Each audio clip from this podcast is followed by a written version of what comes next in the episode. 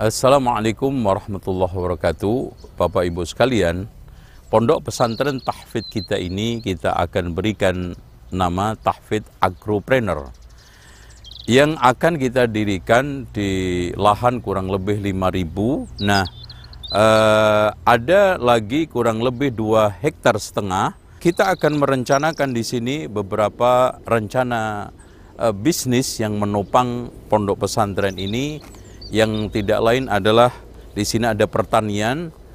Kemudian di sini ada beberapa lahan e, peternakan ikan ya. Nanti kita akan buat untuk kegiatan mereka insya Allah. Nah, kita sudah memiliki gedung dua tingkat yang ini rencana kita akan buat untuk asrama e, dan anak-anak e, yang belajar yang calon menjadi ulama dan dai tidur di sini, istirahat di sini. Untuk tempat belajarnya kita akan fokuskan di masjid. Nah, masjid ini kita akan dirikan di sini ya. Ini adalah tempat uh, yang akan kita dirikan masjid kurang lebih 25 kali 25 di sini insya Allah.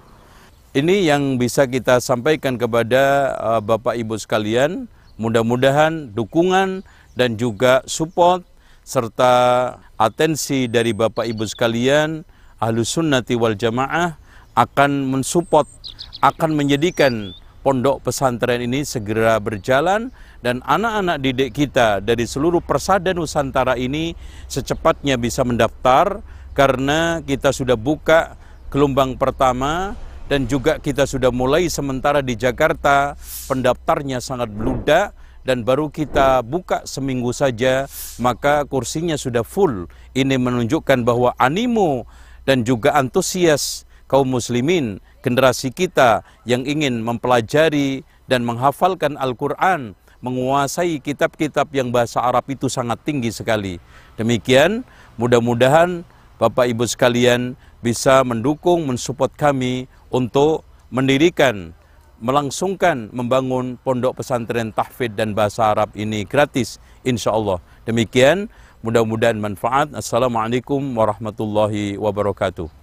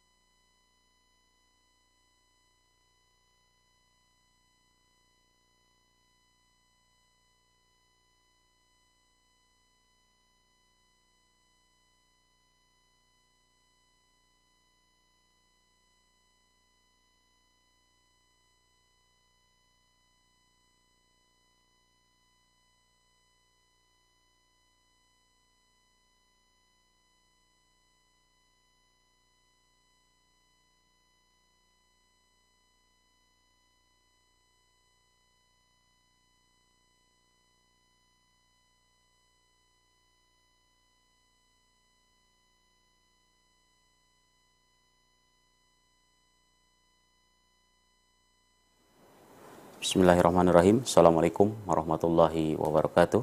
Alhamdulillahirabbil alamin wa bihi nasta'inu ala umuri dunya waddin wa ala alihi wa sahbihi ajmain.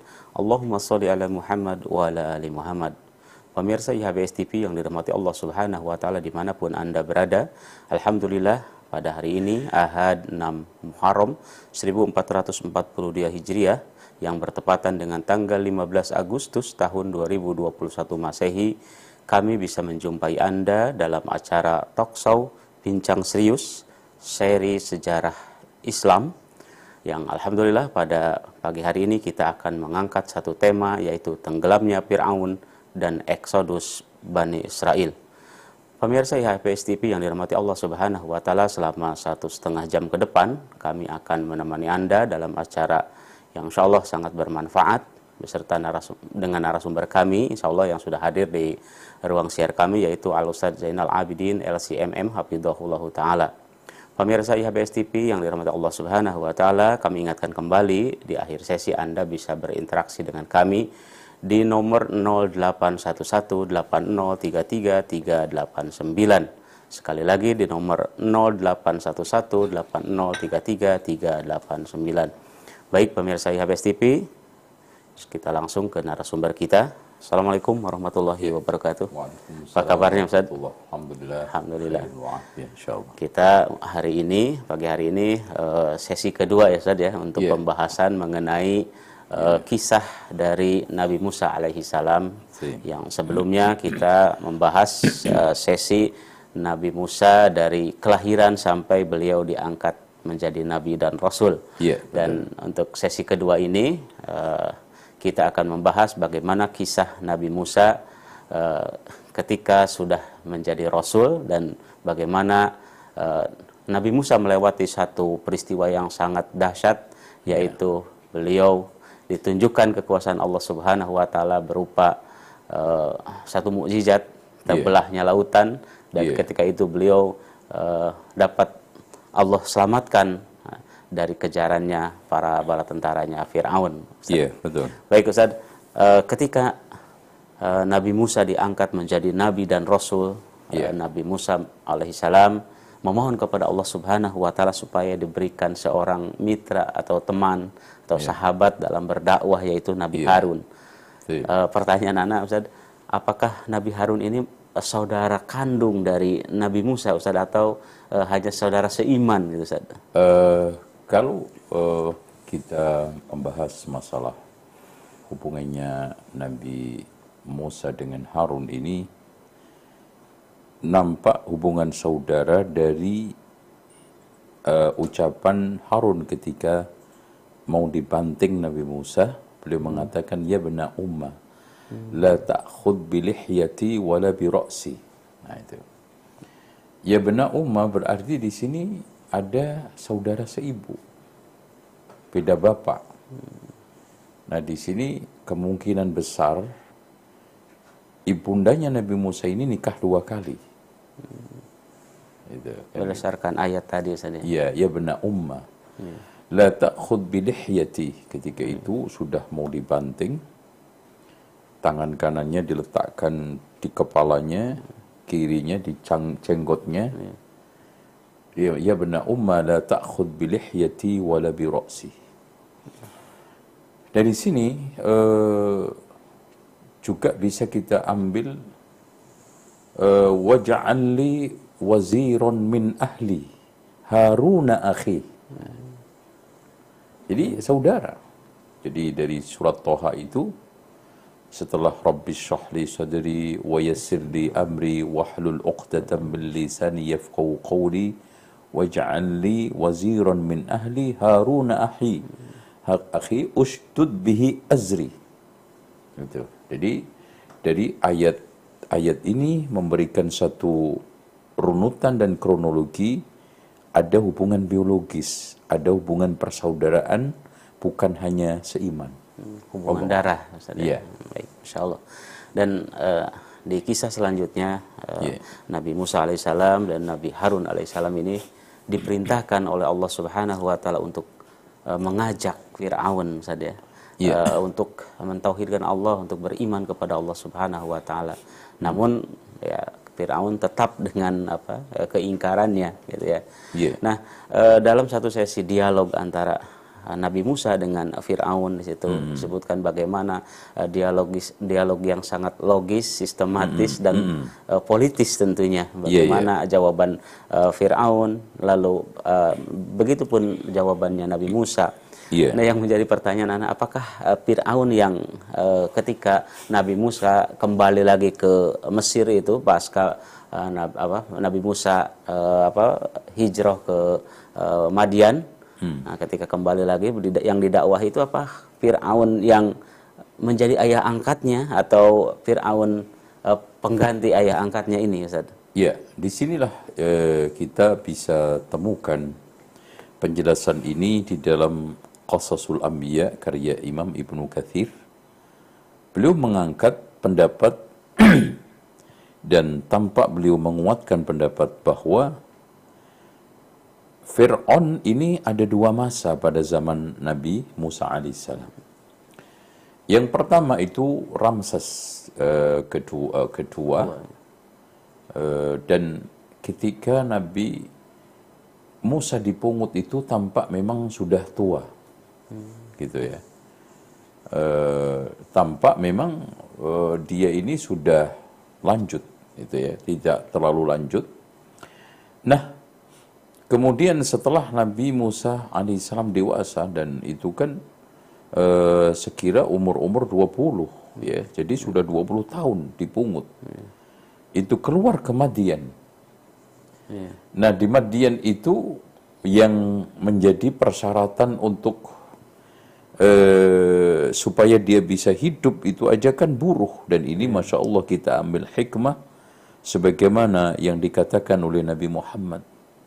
Subhanallah Nabi Musa alaihissalam mengikhlaskan dirinya untuk menjadi buruh demi kesucian harga dirinya untuk menikah dan untuk menjaga kehormatannya bisa makan mendapatkan sesuap nasi untuk hidup bukan meminta-minta menjadi beban orang 10 tahun. Ustaz. 10 tahun Insya Allah masa yang cukup lama itu. ya nah makanya kalau kita lihat eh, garangnya sadisnya galaknya Fir'aun setelah Nabi Musa diangkat menjadi nabi dan beliau kembali menegakkan risalah itu Fir'aun masih muda banget. Ya jadi dari sisi temperamentalnya sumbernya omongannya arogannya itu memang masih muda. Itu ya. Makanya ketika dia berselorohkan ya qaumi alaysa li mulku milk- mulku misra wa hadhihi al-anharu tajri min tahti afala tubsirun nah itu kan gitu am ana khairun min hadzal ladzi huwa mahin jadi arogansinya egonya ini memang setara dengan umurnya Nabi Musa. Yang dikatakan oleh Mas'udi di dalam kitab Murujud Dhahab itu namanya Walid bin Mus'ab ibnu Muawiyah. Itu Fir'aun yang tahapan keduanya Eh, dengan demikian eh, saya juga lebih condong bahwa eh, Fir'aun pada zaman Nabi Musa itu dua Fir'aun. Fir'aun Ramses yang pertama, eh, apa namanya, eh, yang itu memungut dan memiliki istri Asia. Nah, itu. Makanya Asia ketika datang Nabi Musa alaihissalam itu sudah tua sekali. Ya.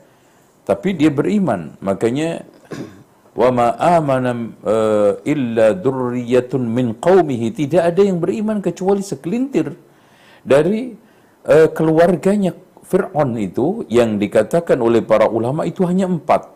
Istrinya Fir'aun Ramses yang ke- yang eh, kedua tadi yang memungut. Yang tidak lain adalah ibunda pungutnya.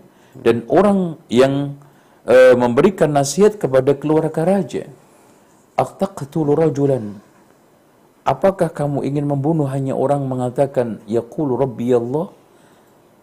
Tuhan saya Allah. Nah, yang keempat yang memberitahu Nabi Musa mau dibunuh ketika habis membunuh Kipti itu. Nah, empat ini aja. Nah, itu uh, soal kaitannya dengan uh, apa kondisi uh, kaum Kipti dan dakwahnya Nabi Muhammad, Nabi Musa alaihissalam.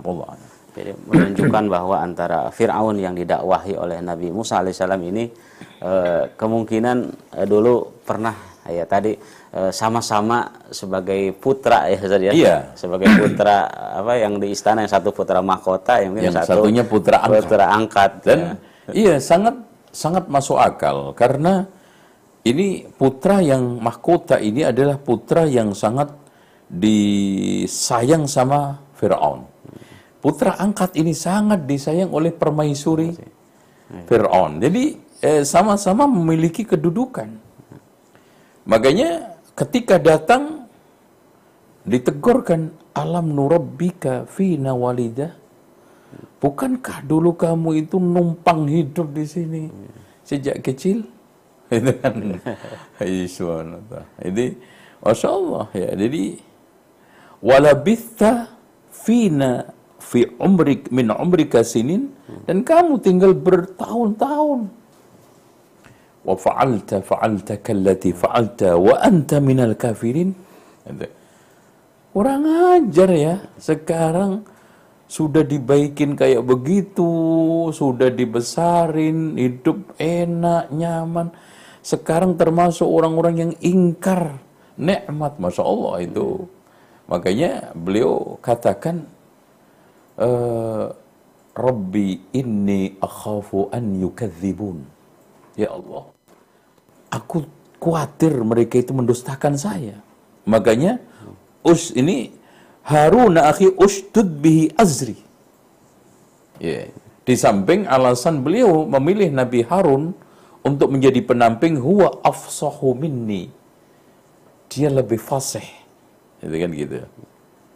Nah, alasan disebutkan oleh beliau juga di dalam surat Toha, kainu sabbihaka kathira wa nadhkuraka kathira.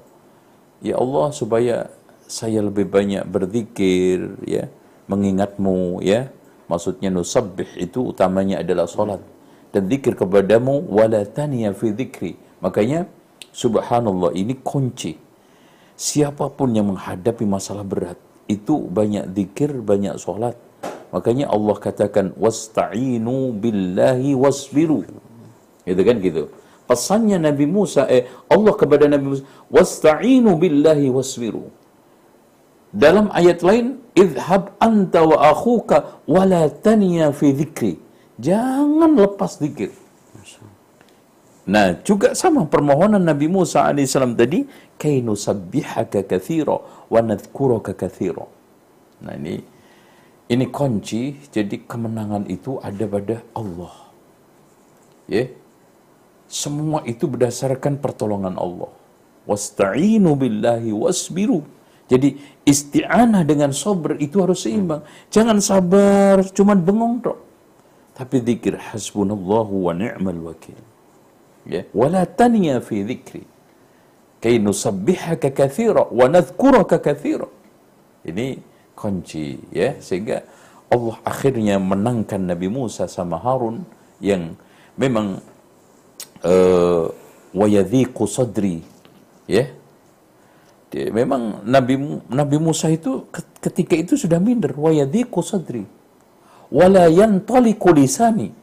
Saya juga tidak terlalu fasih secara apa uh, apa namanya cer, apa lesannya itu tidak hmm. seperti Nabi Harun afsahu minni walaupun di sana ada beberapa sebab uh, di antara sebabnya adalah ketika itu uh, Fir'aun sudah menengarai bahwa Musa ini bisa jadi musuh, ini mau dibunuh. Hmm. Ini masih anak kecil dites. Kasih roti sama bara kan gitu. Hmm. Nah itu, tapi itu tidak ada di dalam Al-Quran, tapi sejak awal Nabi Musa itu sudah mengadu kepada Allah. Wa yadiqu sadri. Tadi mungkin beban mental. Ya, hmm. naruh jasa. Wa yadiqu sadri. Wala yantaliku lisani. Dalam konteks orang kalau sudah ada beban mental itu kan ngomong nggak lancar. Itu. Walaupun memang walayan tohliku lisan itu dari sisi lisannya itu ada kurang kefasihan.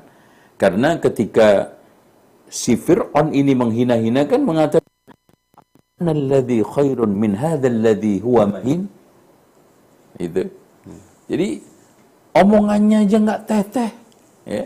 Itu kan gitu. Nggak jelas. Ya. Nggak jelas. Ya, kalau orang sini kan pelegak-peleguk kan gitu. Makanya dia minta kepada Allah, ya Allah, Haruna akhi, ustud bihi azri. Itu. Ya, Allah a'lam. Baik, berarti dalam dakwah itu eh, kefasihan berbicara itu termasuk salah satu hal yang penting juga Ustaz. Nomor satu sebenarnya. Jadi masalah retorika, makanya kalau kita lihat di kuliah mana pun dakwah itu dimasukkan pada ilmu retorika, kan gitu. Ilmu memberikan informasi, bahkan nomor satu makanya utama pertama yang diminta Nabi Musa apa? Rabbi syahli sadri wa yassirli amri wahlul uqdatam min lisani yafqahu qawli. Jadi inti daripada dakwah itu bagaimana audien kita, umat kita faham yang kita sampaikan. Jangan yang pinter kita sendiri kan gitu loh. Kadang-kadang ada orang yang pinter, masya Allah titel gelarnya berenten, eh, ketika dakwah tidak bisa memahami uh, kapabilitas uh, atau juga kemampuan umatnya, akal kadar umatnya, khatibun nasa ala qadri uqulihim. Jadi akhirnya dia pintar sendiri. Umatnya nggak pintar-pintar. Komunikasinya satu arah saja. iya, itu. Makanya yafqahu qawli gitu. Baik, Ustaz. Dan yang tadi uh, Anda sangat tertarik dengan bagaimana dialog uh, tadi antara Nabi Musa dengan Firaun gitu Ustaz uh, atas pertolongan dan petunjuk Allah Subhanahu wa taala hmm. Nabi Musa diberikan uh, ilham untuk bisa berdialog secara logis, yeah. sistematis dengan iya. Firaun. Yeah. Padahal kalau kita lihat sisi manusiawinya mungkin uh, Nabi Musa sudah down gitu ya dengan yeah. di, apa disampaikan tadi narasi-narasi yang demikian oleh uh, Firaun seperti tidak tahu diri, terus pernah numpang hidup, terus kamu yeah. bukan siapa-siapa. Namun Nabi Musa uh, jawabannya sangat logis dan sistematis ya Ustaz ya. Hmm. Iya, uh, itu semuanya dikarenakan bimbingan wahyu. Makanya di sinilah subhanallah ya. Kita bisa petik serendah-rendahnya seorang dai. Kalau dia itu selalu bersama Al-Quran dan Sunnah, itu selalu kuat. Di tengah mereka yang bertitel akademik tinggi, karena pada akhirnya dia itu ber, berbicara dengan Allah, menyampaikan bersama Allah, dan juga dia menyampaikan demi Allah. Gitu. Kenapa? Karena Allah sudah mensifati kalimatnya itu wa tammat kalimatu rabbika sidqan wa adla. Artinya siapa pun orangnya, di mana pun tempatnya, dan kapan pun kondisinya dia itu ketika dia itu menggunakan Al-Quran dan Sunnah sebagai landasan dakwah, pasti dia itu adil, pasti dia itu jujur. Sempurna. Karena tidak ada. La ya'tihil batilu min baini yadayhi wa min khalfi itu sifat daripada kitab Allah. Dan semuanya termasuk Taurat, Injil, Zabur, Al-Quran. Cuman Allah melebihkan Al-Quran. Inna nahnu nazzalna dzikra wa inna lahu lahafidhun. Makanya ketika Ali bin Abi Thalib ditanya, akan terjadi fitnah. Uh, walaupun di sana ada yang menisbatkan kepada Rasulullah. Sebagian ulama mengatakan hadis ini ma ini apa namanya mauquf. Ketika itu ditanya, bagaimana? Apa solusinya? Kitabullah. Itu. Kitabullah. Itulah solusi untuk kita itu kembali kepada kejayaan Makanya Rasulullah sallallahu alaihi wasallam mengatakan ju'ila as-sagharu wadh-dhillatu 'ala man khalafa amri. Allah akan jadikan hina dina bagi orang yang menyelisihi urusanku, perintahku, sunnahku. Nah ini jadi yang membuat bagi, eh, Nabi Musa alaihissalam berdialog secara sistematik, dialogis, argumentatif, bahkan Fir'aun akhirnya menuduh dia sebagai tukang sihir. Itu. Qala faman rabbukuma ya Musa? Siapa Tuhanmu wahai Musa? Qala rabbuna alladhi a'ta kulla syai'in khalqahu thumma hada. Subhanallah. Coba lihat. Karena faman ittaba'a hudaya fala yadhillu wa la yashqa. Siapa yang mengikuti petunjukku tidak akan sesat, tidak akan celaka. Itu Rabbuna alladhi a'ta kulla syai'in khalqahu thumma hada.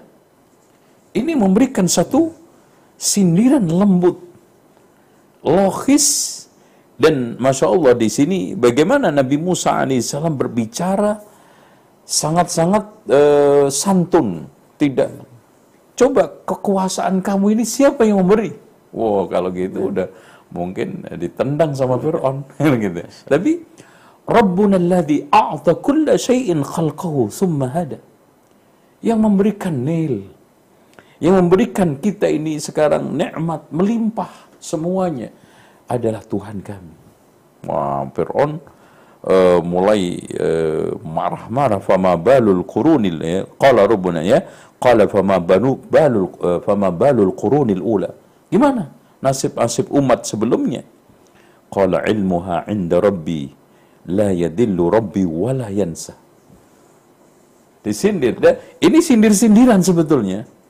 Diingatkan dulu gimana? Kamu sama bapak saya kan gitu.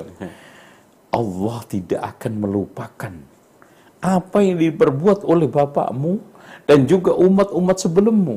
La yadillu wa la yashqa wa la yansa. Allahu Akbar. Ya. Masyaallah. Alladhi ja'ala lakumul arda mahdan wa salaka lakum fiha subula Subhanallah. Kenapa Nabi Musa mengajak bicara seluruh duniawi? Ini memberikan satu poin, kita itu harus berbicara sesuai dengan konteks lingkungan, keadaan, dan apa yang menjadi kebanggaan mereka. Makanya kalau hmm, orang-orang Arab itu bangganya sastra, mukjizat yang paling tinggi Rasulullah adalah Al-Quran. Ketika sekarang ini Fir'aun itu membanggakan sihir, maka mukjizatnya adalah menandingi sihir dan termasuk di sini diingatkan tentang kenikmatan karena memang uh, kita ketahui semua bahwa Fir'aun ini mengaku jadi Tuhan bukan al, bukan tanpa alasan, bukan tanpa ongkos, ya. Nggak ada, nggak nggak tanpa ongkos politik itu nggak ada. Ada ongkos politiknya, yaitu di mana Fir'aun itu sampai mengaku titisan dewa Aris uh, uh, apa uh, Azi uh, apa Ari Asir, Asiris ya. Asiris karena memang dia bisa menjadikan Nil sepanjang Mesir itu kanan kirinya itu kebun-kebun yang subur. sangat subur. Pertaniannya berhasil. Makanya yang disumbarkan kan wahadihil anhar tajri min tahti afala tubsirun? Kan gitu kan gitu. Masya Allah. Dan sanggup memakmurkan rakyatnya. Nah, kemakmuran itu didalihkan, dibalikkan kepada Fir'aun. Ini semuanya siapa yang memberi Fir'aun? Sungai ini memang tiba-tiba ada begitu saja. Atau kamu yang bikin juga enggak. Nah ini. Mulai dia. ya. Nah lihat ini sudah mulai emosi. Ya wa anzala minas sama'i ma'an fa akhraja bihi azwajan min nabatin satta yang yang menurunkan hujan ya jalan-jalan memang coba bayangkan berarti pada zaman Fir'aun itu jalan itu sudah bagus-bagus semuanya. Karena dijadikan sebagai kebanggaan Fir'aun. Sampai dijadikan sebagai contoh di antara sekian nikmat dan nggak mungkin diambil sampel kalau nggak hebat.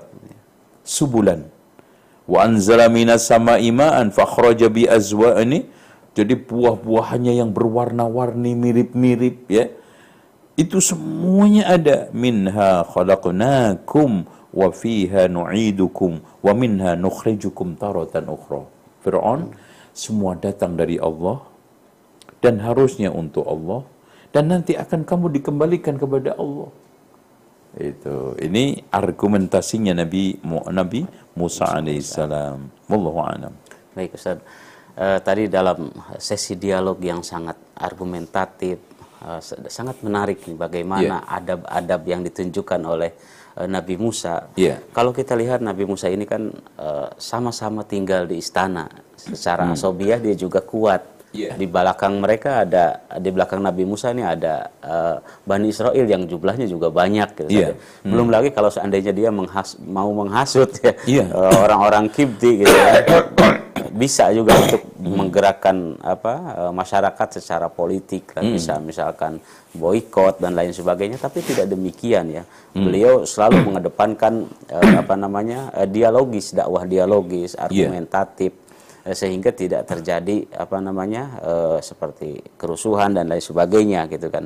Nah, eh, apa alasan ini semua yang dilakukan oleh eh, Nabi Musa dan Nabi Harun ini Ustaz? Iya, memang sejak awal wejangan Allah kepada Musa sama Harun alaihi wassalam itu faqula lahu qawlan layyina. Di sana di dalam Al-Qur'an ucapan yang dianjurkan digunakan untuk dakwah itu ada macam-macam, ada qawlan sadida, ada qawlan karima, ada qawlan layyina, ada qawlan maysura. Ya. Ini qawlan layyina. Layyina la'allahu yatadhakkaru aw yakhsha. Ilahnya bukan tanpa alasan. Bukan hanya supaya Musa tampil sompan, supaya Musa kelihatan elegan atau kemudian bisa dibikin-bikin ya. Tampak di dalam eh, dirinya itu di depan eh, Bani Israel, Kipti dan Fir'aun itu wah wah wah tidak. La'allahu yatadhakkaru aw yakhsha. Jadi tujuannya utama pertama adalah dakwah. Dan ini juga ditegaskan oleh Imam Ibnul Jauzi di dalam kitabnya Sayyidul Khatir. Hendaknya seorang ketika ingin menasihati pemimpin itu melebihkan kelembutan dan melebihkan kesantunan.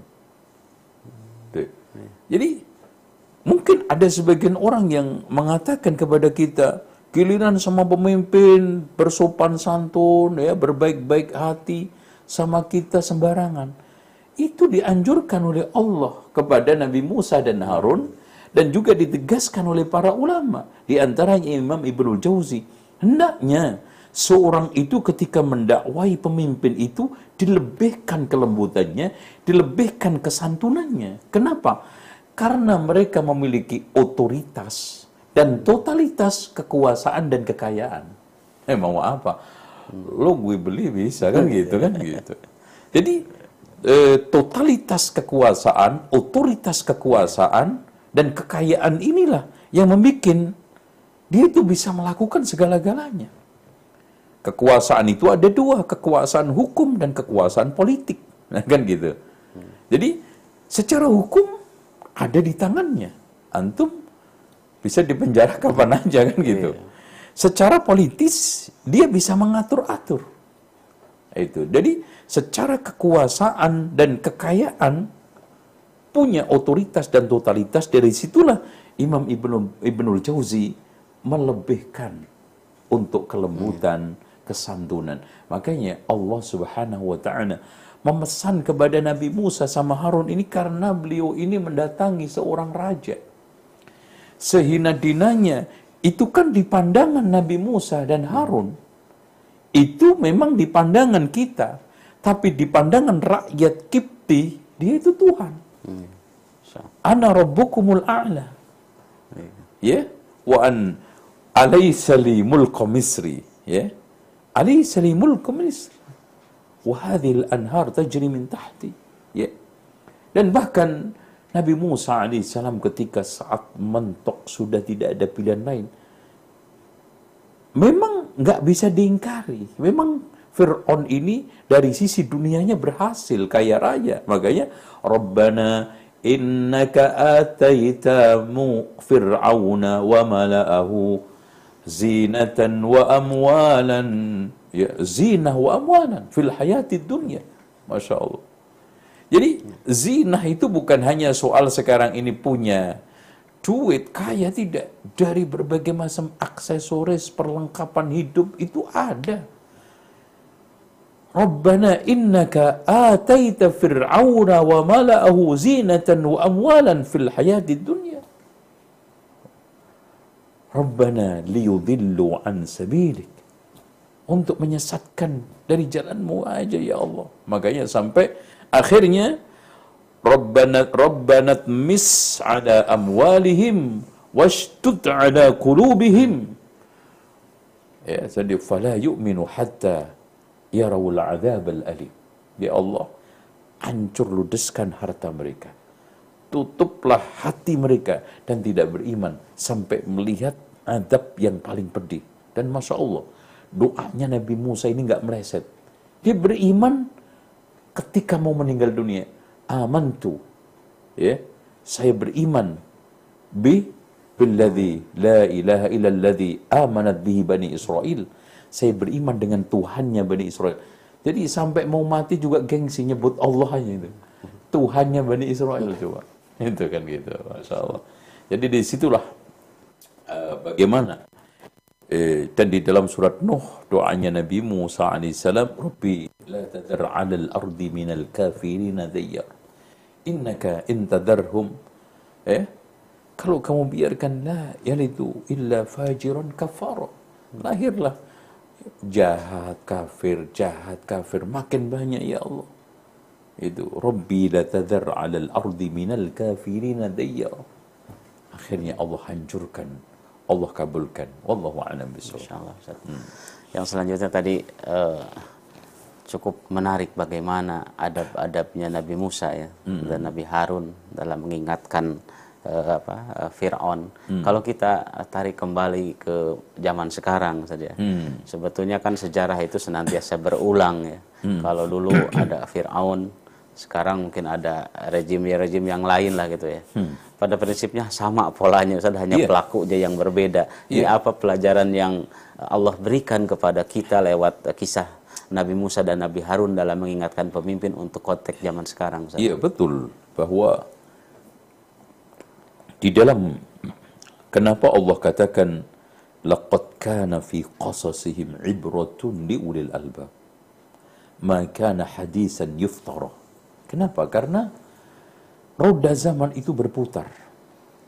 Cuman mungkin beda pelaku dan nama. Tapi kelakuan zaman itu akan terus berulang. Sifat sifat laku zaman itu akan terus berulang. Kelakuan Fir'aun itu akan terus ada di masa-masa yang akan datang. Kelakuan eh, Jalut lawan Talut. Kelakuan-kelakuan yang ada ini makanya sejarah itu adalah menyoal perilaku zaman. Perilaku manusia yang hidup pada setiap zaman. Nah, di sini kita bisa ambil kesimpulan. Apalagi penguasa kita sekarang. Yakin nggak ada yang sejahat Fir'aun. Dan di antara kita itu pun tidak ada yang sebaik Musa. Kenapa kita harus petentang-petenteng kan gitu? Jadi yakin seyakin-yakinnya kita itu harus tulus mengakui nggak ada seorang pun dai bahkan di muka bumi ini setelah Rasulullah, setelah Abu Bakar, Umar, Utsman, setelah khairun nas lebih baik dari Nabi Musa alaihissalam. Bahkan mungkin setelah Rasulullah, ya. Karena Rasulullah selalu mengukur dirinya itu dengan Nabi Musa. Rahimallahu Musa udhiya aktharu minni fasabar. Semoga Allah merahmati Nabi Musa yang disakiti lebih parah daripada saya tetap bersabar. Nah, itu saja masih bisa berlemah lembut kepada Fir'aun. Dan tidak ada deh.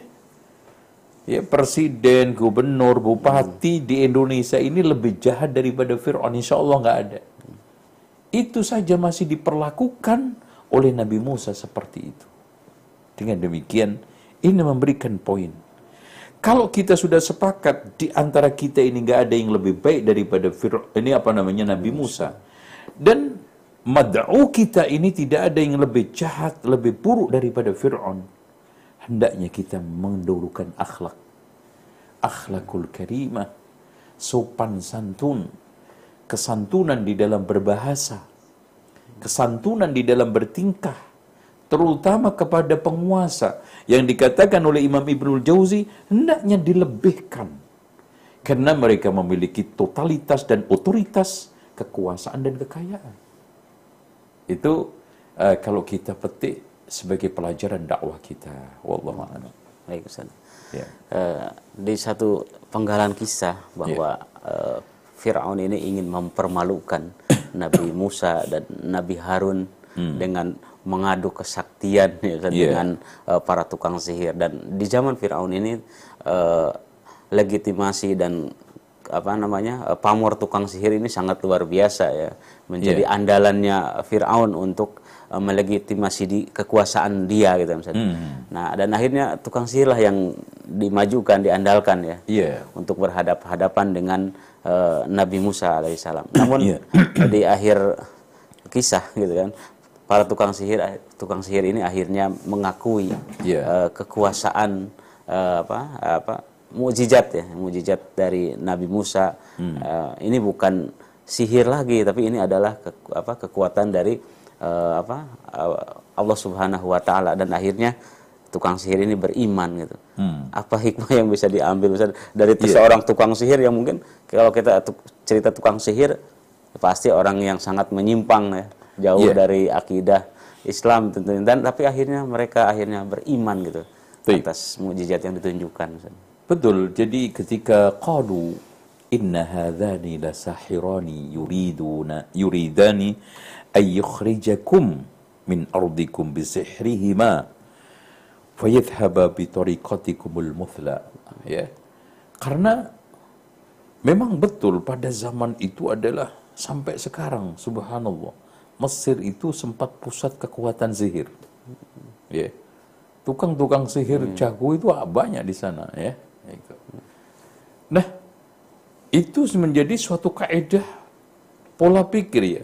Orang itu ketika mendapati sesuatu yang baru langsung dipersepsikan dengan pengetahuan yang lama itu.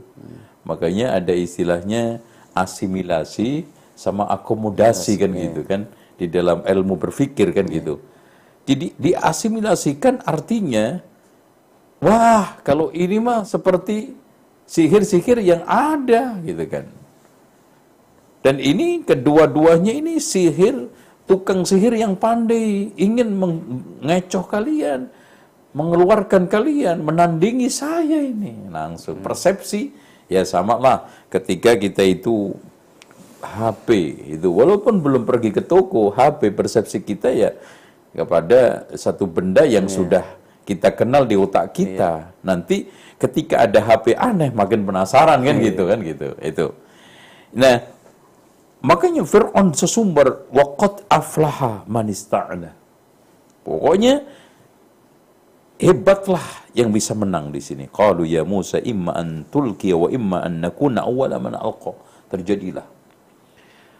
Setelah dia lempar segala sesuatu, maka wa alqi ma fi yaminika talqaf ma sana'u. Allah perintahkan, Musa, lempar yang ada di tanganmu.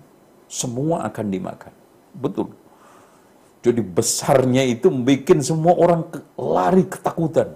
Saking besarnya, semua benda yang ada itu yang menjadi ular, menjadi ini, dihabisin sama ular ini. Makanya langsung faul sahratu sujada.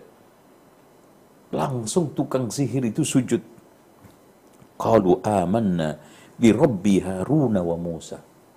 Wah, Fir'aun marah.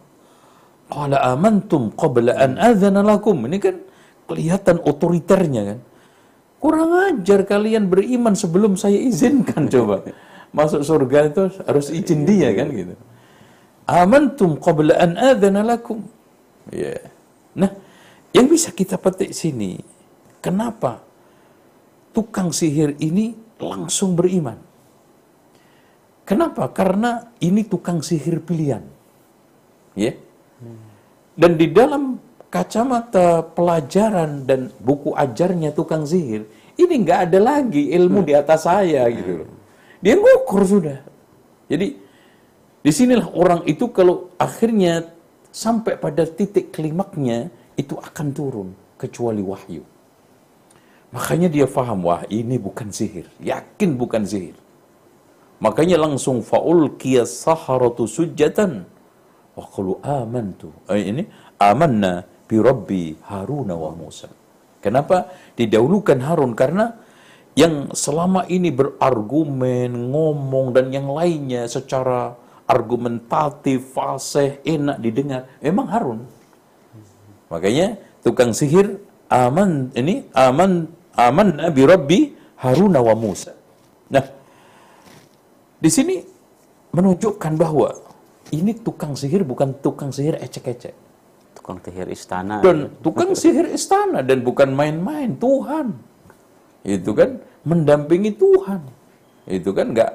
Jadi dan enggak mungkin juga Fir'aun itu akan sembarangan pasti di sana melakukan seleksi yang cukup ketat, cukup lama dan ini menunjukkan bahwa Nabi Musa itu memang dibiarkan lama di eh, di Mesir. Bahkan kalau kita lihat kan sampai ditimpakan azab oleh Allah, ad-dafati wal kumal dan yang lainnya. Kemudian Fir'aun mohon-mohon, Musa tolong berdoalah kepada Allah, nanti kita akan tobat. Pokoknya udahlah anak kasihkan orang-orang Bani Israel itu kamu bawa. Ternyata setelah Allah angkat, dablek lagi, kan gitu. Bandel lagi ya kan gitu. Nah ini uh, ini menunjukkan bahwa apa namanya tukang-tukang sihir ini satu tukang sihir yang bukan abal-abal, ecek-ecek, bahkan tukang sihir yang hebat di dalam buku-buku sihir semua yang paling tertinggi sudah dipelajari tukang sihir ini di akademi sihir. Iya, mungkin Mesir sudah ya. S3 iya. ya dari sisi buku-buku rujukan itu sudah nggak ada lagi jurnalnya diacak-acak nggak ada iya. disertasi nggak ada semuanya pokoknya sihir saya ini sudah paling hebat nggak mungkin ada yang bisa ngalahkan akhirnya ternyata kalah wah ini bukan sihir faul saharatu sujada wallahu a'lam Baik Ustaz, uh, sebelum kita lanjut kita iya. jeda yeah. terlebih dahulu. Yeah. Uh, pemirsa sekalian, pemirsa IHBS TV yang dirahmati Allah Subhanahu wa taala. Kita jeda terlebih dahulu dan kami ingatkan di akhir sesi Anda bisa berinteraksi dengan kami di layanan nomor 0811803339. Baik pemirsa sekalian, kita jeda terlebih dahulu.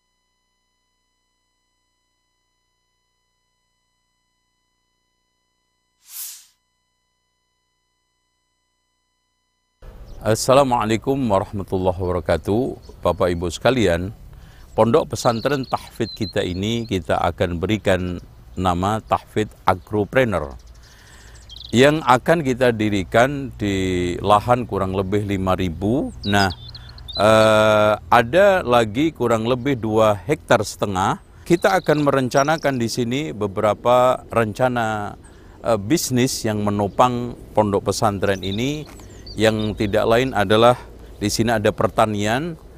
Kemudian di sini ada beberapa lahan e, peternakan ikan ya. Nanti kita akan buat untuk kegiatan mereka insya Allah. Nah, kita sudah memiliki gedung dua tingkat yang ini rencana kita akan buat untuk asrama e, dan anak-anak e, yang belajar yang calon menjadi ulama dan dai tidur di sini, istirahat di sini. Untuk tempat belajarnya kita akan fokuskan di masjid. Nah, masjid ini kita akan dirikan di sini ya.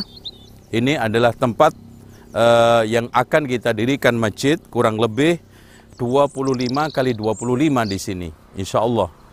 Ini yang bisa kita sampaikan kepada uh, Bapak Ibu sekalian. Mudah-mudahan dukungan dan juga support serta atensi dari Bapak Ibu sekalian Ahlus Sunnati wal Jamaah akan mensupport, akan menjadikan pondok pesantren ini segera berjalan dan anak-anak didik kita dari seluruh persada Nusantara ini secepatnya bisa mendaftar karena kita sudah buka gelombang pertama dan juga kita sudah mulai sementara di Jakarta. Pendaftarnya sangat beludak dan baru kita buka seminggu saja maka kursinya sudah full. Ini menunjukkan bahwa animo dan juga antusias kaum muslimin, generasi kita yang ingin mempelajari dan menghafalkan Al-Quran, menguasai kitab-kitab yang bahasa Arab itu sangat tinggi sekali. Demikian, mudah-mudahan Bapak Ibu sekalian bisa mendukung, mensupport kami untuk mendirikan, melangsungkan, membangun pondok pesantren tahfidz dan bahasa Arab ini gratis, insya Allah. Demikian, mudah-mudahan manfaat. Assalamualaikum warahmatullahi wabarakatuh.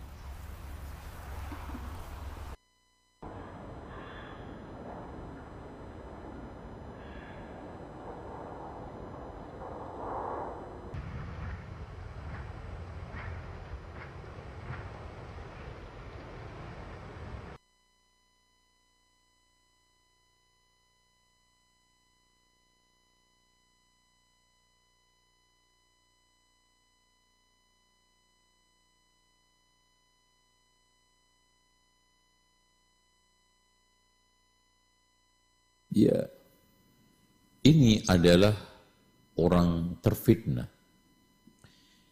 Karena pintu fitnah itu ada tiga. Yang pertama adalah asyawagil. Perkara-perkara yang menyibukkan hidayah. Di antaranya adalah teman yang buruk, musik, serta tempat-tempat yang sekarang bermaksiat itu pasti menyibukkan pikiran kita, hati kita dan yang lainnya syawagil. Kemudian tahapan yang kedua adalah sawarif dipalingkan lama-lama. Dia akan lebih asik dengan musik daripada dengan Al-Quran. Dia akan lebih rajin ke tempat tersebut. Dan pelan-pelan dia akan enggan menuju kepada majlis ilmu dia akan lebih semangat diajak untuk ke tempat musik dan juga tempat-tempat seperti itu daripada ke tempat-tempat majlis ilmu. Itu itu namanya sawari dipalingkan. Nah, yang ketiga adalah khawatir, diputus. Akhirnya sama sekali sudah tidak mau ke majlis ilmu, sama sekali sudah tidak mau berteman dengan orang-orang yang sekarang ini soleh, sama sekali dia sudah tidak tidak suka dengan jilbab yang panjang, sama sekali sudah tidak gairah untuk uh, dekat dengan orang-orang yang sekarang mengajak kepada sunnah, mengajak kepada Al-Quran, mengajak kepada kebaikan-kebaikan, khawatir. Dan itu bahaya. Apalagi subhanallah, al-qulubu dha'ifatun. Dikatakan oleh para ulama, Asyubhatu khatafatun. Syubhat itu amat menyambar. Wal qulubu dha'ifatun. Hati itu sangat lemah. Ya. Kelemahan hati kita itu. Jangankan kita itu masuk ke ruangan dukem itu mbak. Ke ruangan konser musik. Ke tempat yang memang sengaja kita itu ingin mendengarkan musik. Kita sedang dalam keadaan duduk, nyantai, kemudian dengar musik aja itu tertarik Tahu-tahu gerak-gerak sendiri, jogetan sendiri itu kepala kita, kaki kita. Subhanallah, coba bayangkan. Bagaimana kita tanpa sadar ternyata perasaan kita, gerak tubuh kita itu mengikuti irama musik dan nyanyian tersebut. Itu menunjukkan bahwa sangat lemah hati kita. Sementara syubhat itu amat menyambar. Makanya Allah sifati wa ibadur rahman Wa idza marru bil lagwi marru. Ketika melewati tempat-tempat yang sekarang ini melalaikan, maka dia melewati begitu saja. Dan al-laghwu di antara sekian yang melalaikan adalah jelas. Musik yang di situ adalah perpaduan antara lagu, nyanyian dengan irama alat-alat itu yang disebut dengan musik. Jadi musik adalah perpaduan dari suara, irama, nyanyian yang dipadukan di dalam satu ritme dan melodi. Itu namanya musik. Pasti kita itu hanyut. Makanya dikatakan oleh Allah Subhanahu wa taala di dalam surat Luqman, "Wa minan nasi man yashtari lahwal hadits liyudilla an sabilillah." Ada sebagian orang yang menjual belikan lahwul hadis satu ucapan-ucapan, ungkapan-ungkapan yang melalaikan di antaranya adalah apa? Kalimat-kalimat, kata-kata yang terungkap di dalam nyanyian. Ya, nyanyian apa pun entah itu religi, entah itu sekarang non religi, Semuanya itu mengandung allahu, lahwal hadis. Makanya ketika Rasulullah SAW mengomentari tentang masalah musik itu umum. Sayakunu fi ummati aqwamun yastahilluna al-hirra wal harir wal khamra wal ma'azif. Akan muncul di tengah umatku ini sekelompok kaum yang halalkan zina, sutra, khamr dan musik. Dia demikian, orang tersebut diperingatkan pertama dengan lemah lembut, kemudian tegas, kemudian keras seperti yang telah disarankan oleh uh, wejangan dan juga pelajaran dari pelajaran kitab yang kita bahas pada siang hari ini. Wallahu a'lam bishawab.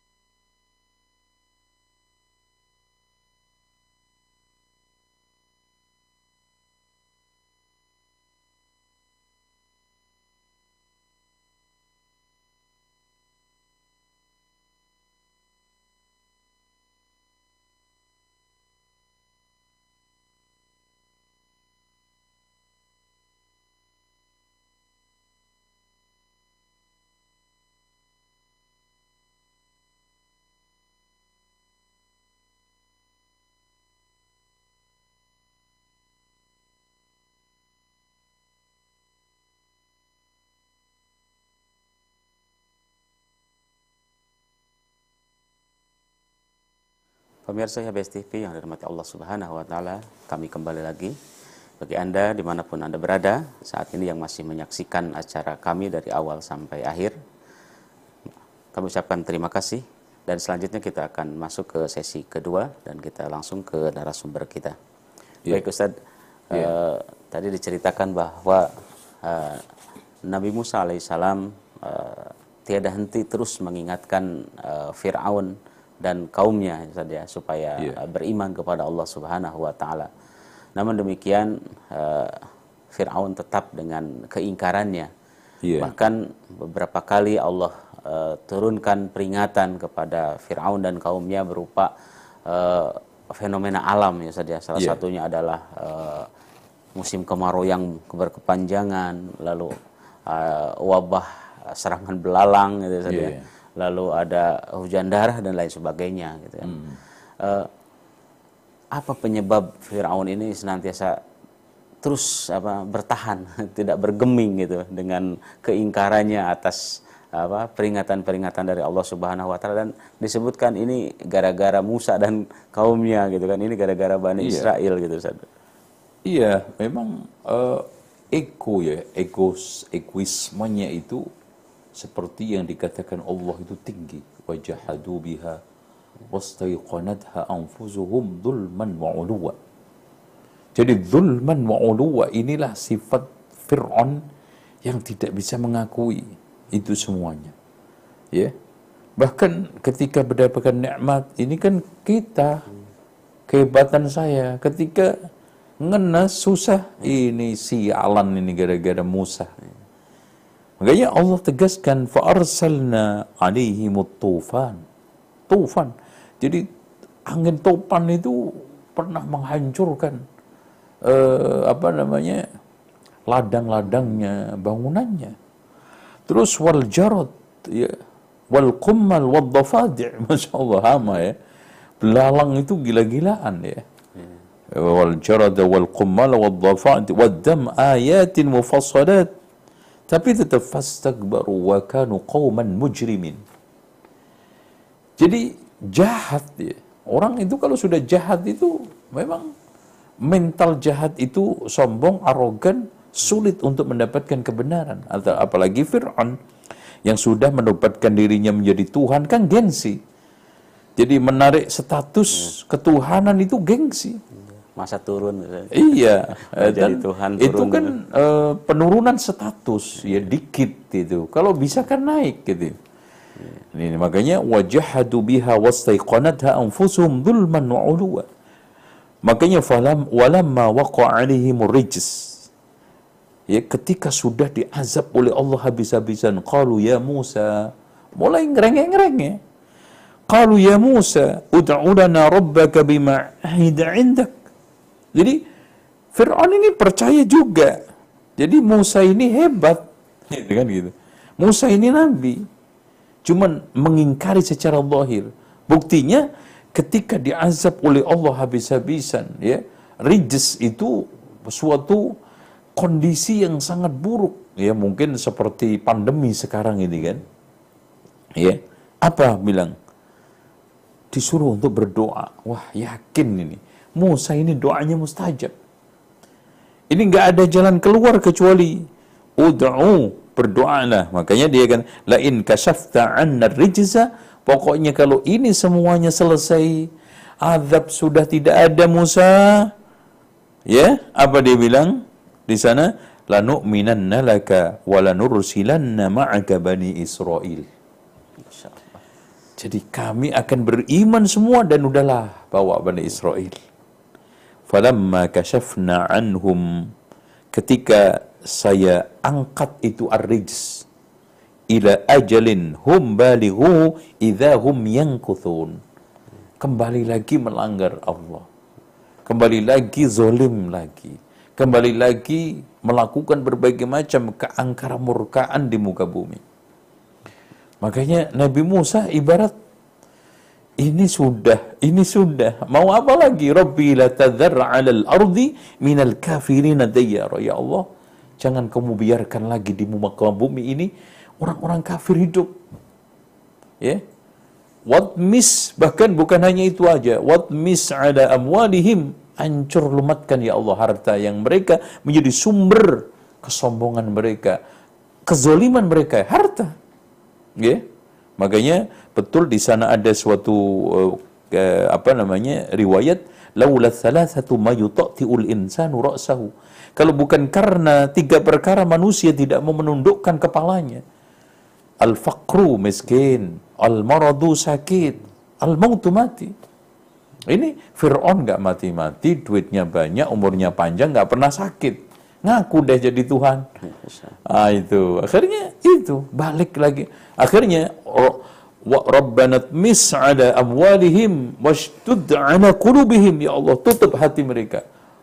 Fala yu'minu hatta yarawul adzabal alim. Jangan bikin beriman lagi ya Allah sampai dia melihat adab yang pedih. Makanya ketika dikulung oleh ombak ya, yang awalnya itu eh, wadrib lahum alal bahri yabasa coba Allah katakan pukullah itu tongkat lautan akan jadi kering Allah. Allah katakan alal bahri yabasan wala takhaf wala takhsha. Itu. Coba seperti itu ya. Jadi ketika saat tenggelam kembali lagi lautan amantu annahu la ilaha illa alladhi amanat bihi banu Israel. Itu makanya habis itu disebutkan di dalam suatu riwayat yang dikeluarkan oleh Imam Ahmad dan juga At-Tirmidzi dikatakan oleh Imam At-Tirmidzi hasanun sahih. Ketika itu saya dipak mulutnya Fir'aun oleh Jibril ini. Jibril mengatakan. Jadi Jibril mengatakan kepada Nabi Muhammad, Muhammad ketika itu mulutnya itu saya tukang kalau bahasa Jawanya itu ya. Saya depak takut dia mengucapkan sempurna la ilaha illallah nanti adrakahu rahmah dia mendapatkan rahmat Allah enak aja kan gitu kan gitu itu hadis ini Hasan dikeluarkan oleh Imam Ahmad di dalam musnadnya dan juga Imam At-Tirmidzi di dalam sunannya wallahu a'lam Baik Ustaz. Eh, satu hal yang cukup menarik tadi ketika terjadi musibah wabah ya Ustaz ya. Iya. Ada belalang dan lain sebagainya.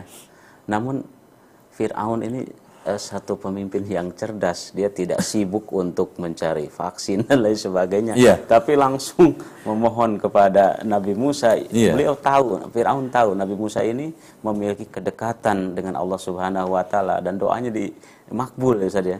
Eh, Memang dalam hal langsung ya, ini, begitu.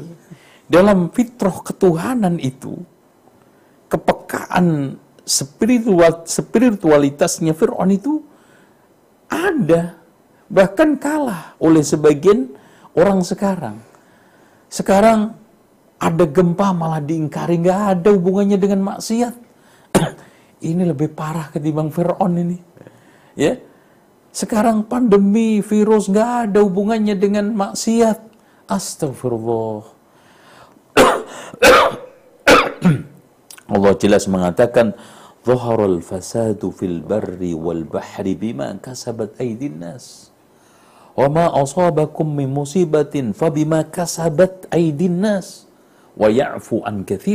Apa-apa dari musibah yang menimpa kalian itu akibat olah tangan maksiat, perbuatan jahat kalian. Yang dimaafkan Allah itu lebih banyak. Ya coba aja. Ketika saat didakwai Nabi Musa, dia menyuruh Haman untuk membangun satu bangunan. Sarhan la'alli attali'u ila ilahi Musa. Mencari Tuhan ke atas.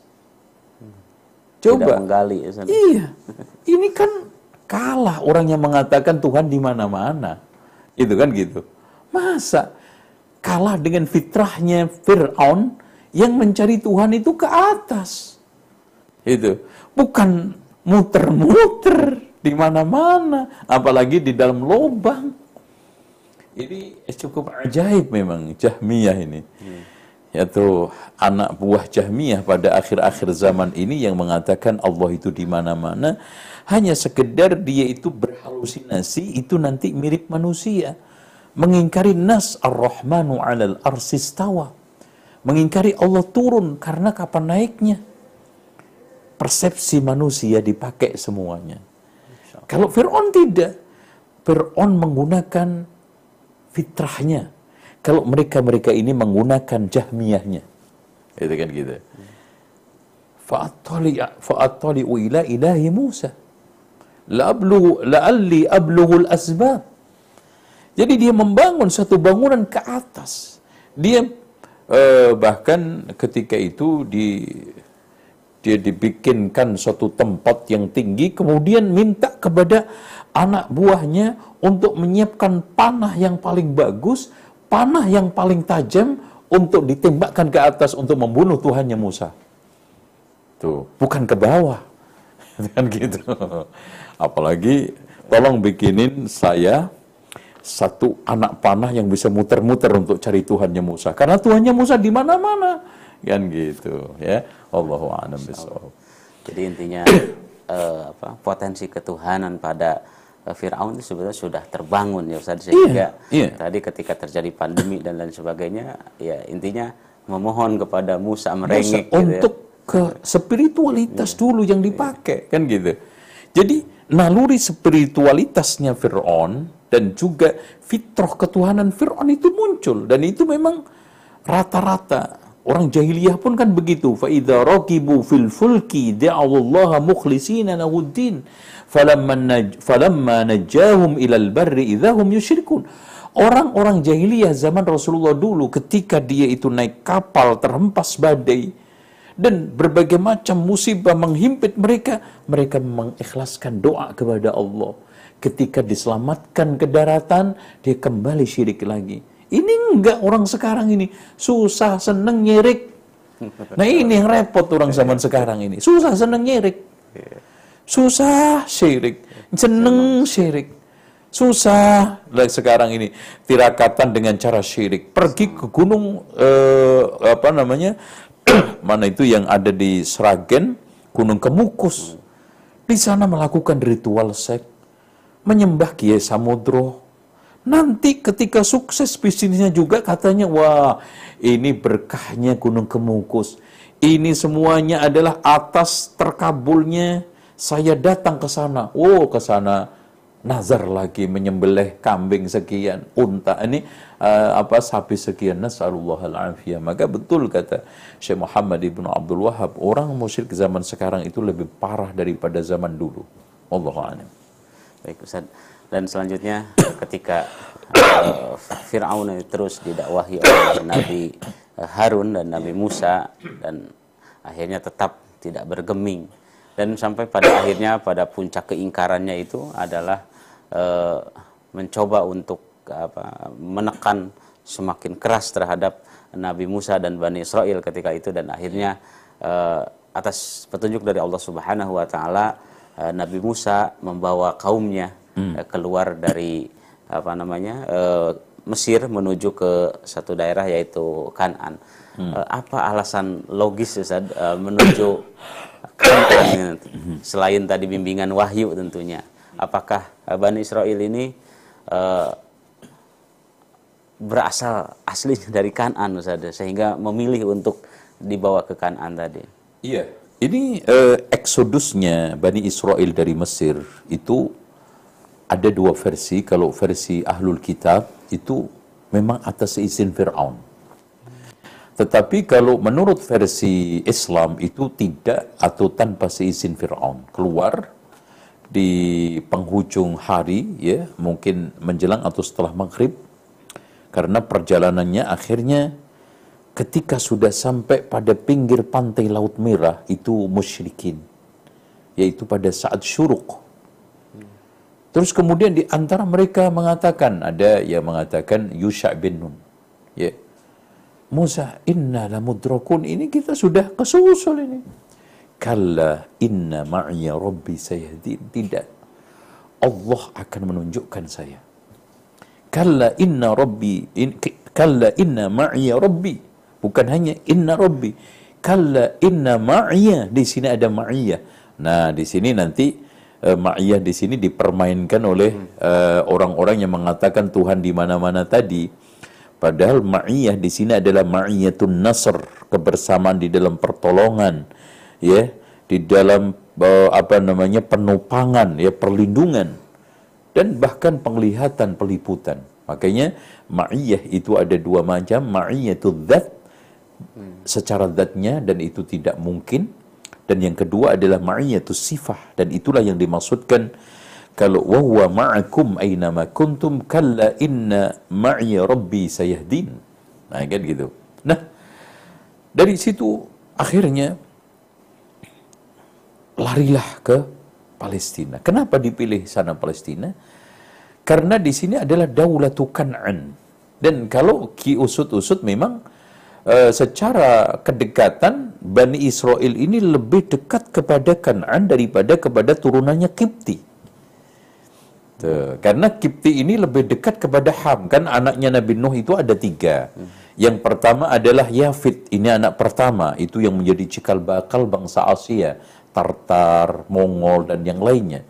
Karena Yafid itu punya anak Yunan sama Yakcut Makcut. Nah, Yunan nanti punya dua anak, Mongol sama Tartar. Nah, Tartar inilah nanti di zaman-zaman eh, apa namanya eh, tahun 2000-an sebelum Masehi itu migran ke Jawa.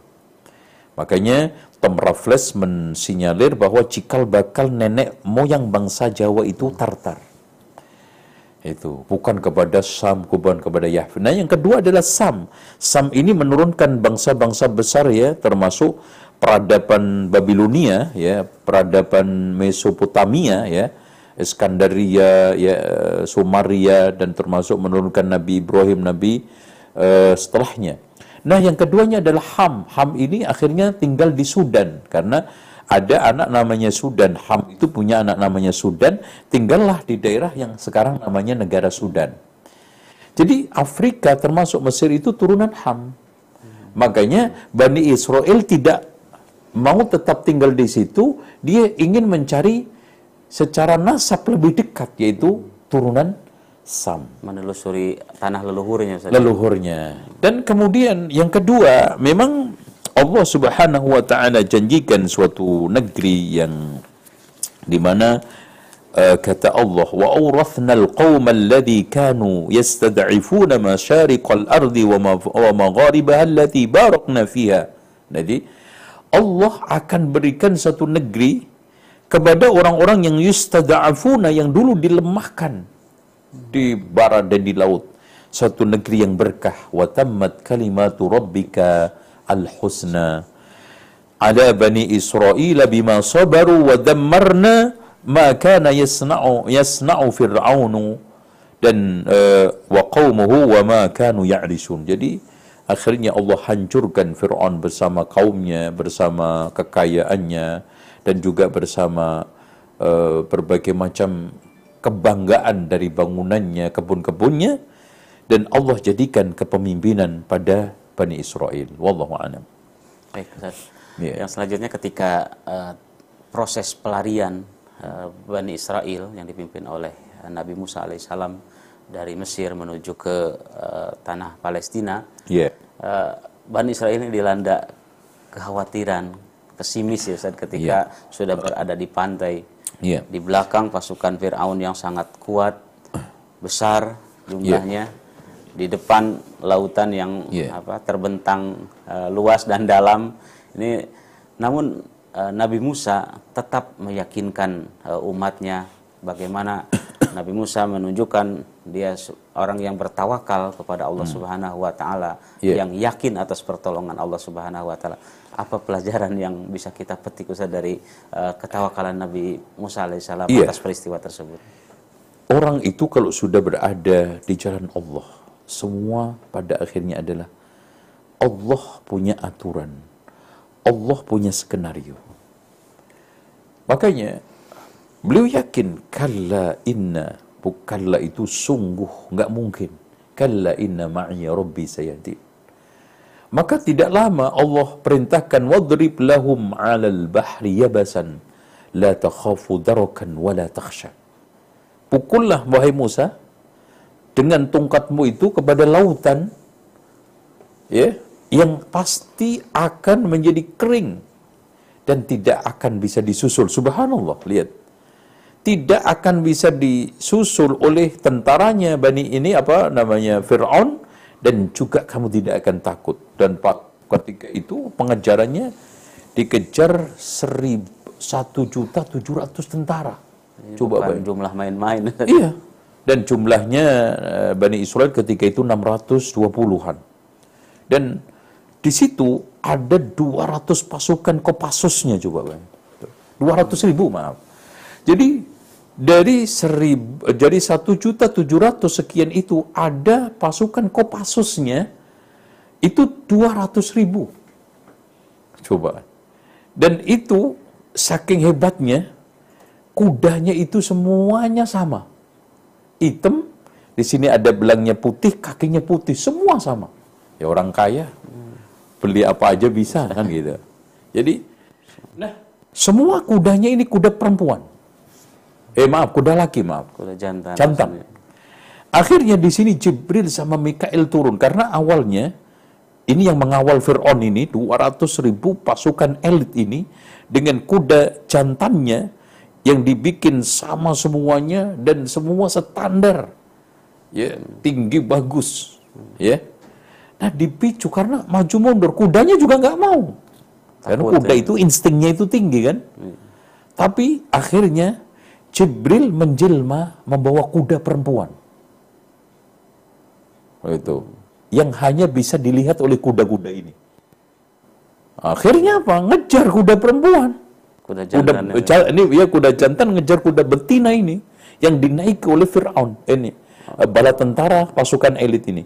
Nah di belakangnya Mikail yang membawa kuda laki-laki jantan yang sangat ditakutin oleh kuda jantan dan lainnya.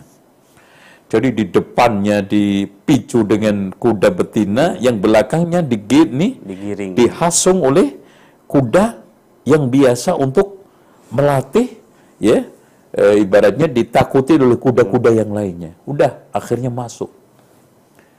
La takhafu darakan wa la takhsha. Bagaimana Allah caranya untuk supaya la takhafu darakan enggak akan bisa disusul, maju mundur, maju mundur. Bani Israel sudah jauh. Terus akhirnya maju kan gitu, dipicu oleh Jibril tadi. Sekiranya Bani Israel sudah mulai di ujung. Jadi ini juga proses. Karena ternyata Fir'aun ini gimana? Kita kejar nggak ini? Jadi musyawarah dulu ini kan gitu. Karena egonya, karena apanya, ini kita harus habisin pokoknya. Kita kejar.